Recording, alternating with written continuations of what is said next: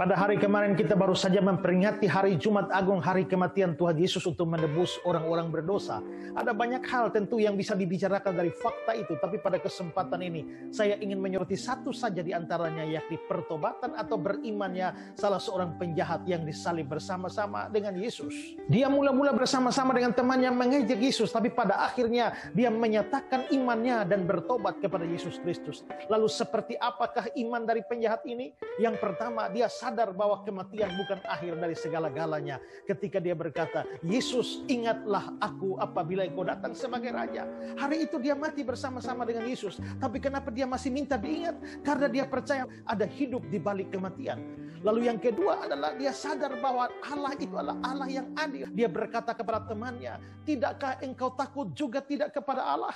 Allah adalah Allah yang adil yang pasti akan menghukum orang-orang berdosa. Yang ketiga, dia sadar dirinya orang berdosa dosa yang layak dihukum. Dia bilang pada temannya, kita memang selayaknya dihukum sebab kita menerima balasan yang setimpal dengan perbuatan kita. Imannya yang keempat adalah dia percaya Yesus itu adalah orang benar. Lewat kata-katanya, orang ini tidak berbuat sesuatu yang salah. Dia percaya Yesus benar dan pasti juga percaya Yesus adalah Mesias sendiri. Imannya yang kelima adalah dia percaya Yesus akan datang sebagai raja pada kedatangannya yang kedua ketika dia berkata, apabila engkau datang sebagai raja, dia percaya bahwa Yesus akan datang kembali. Dan yang keenam adalah dia menyerahkan keselamatan jiwanya kepada Yesus ketika dia berkata, Yesus ingatlah akan aku. Apanya yang diingat? Dia tidak bicara keselamatan jasmani karena tentu saja dia mati hari itu. Tapi dia percaya bahwa jiwanya perlu diselamatkan dan dia menyerahkan keselamatan jiwanya pada Yesus. Ingatlah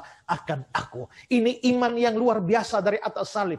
Yesus menjamin dia, aku berkata kepadamu sesungguhnya hari ini juga engkau bersama dengan aku di Firdaus. Dialah orang pertama yang menikmati kuasa penebusan Kristus dari kayu salib. Dia diselamatkan. Karena itulah, marilah kita belajar beriman percaya seperti penjahat ini supaya kita diselamatkan. Calvin mengatakan bahwa kalau penjahat itu bisa menerima Yesus sebagai raja pada saat Yesus sedang terpaku di atas kayu salib, maka celakalah kita kalau sekarang setelah Yesus bangkit naik ke surga, duduk di sebelah kanan Allah, dan kita tidak menerima Dia sebagai Raja dalam hidup kita. Karena itu, maukah kita beriman sungguh-sungguh dan terima Yesus sebagai Raja dalam hidup kita?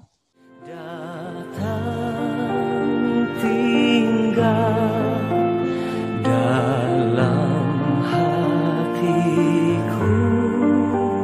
ya.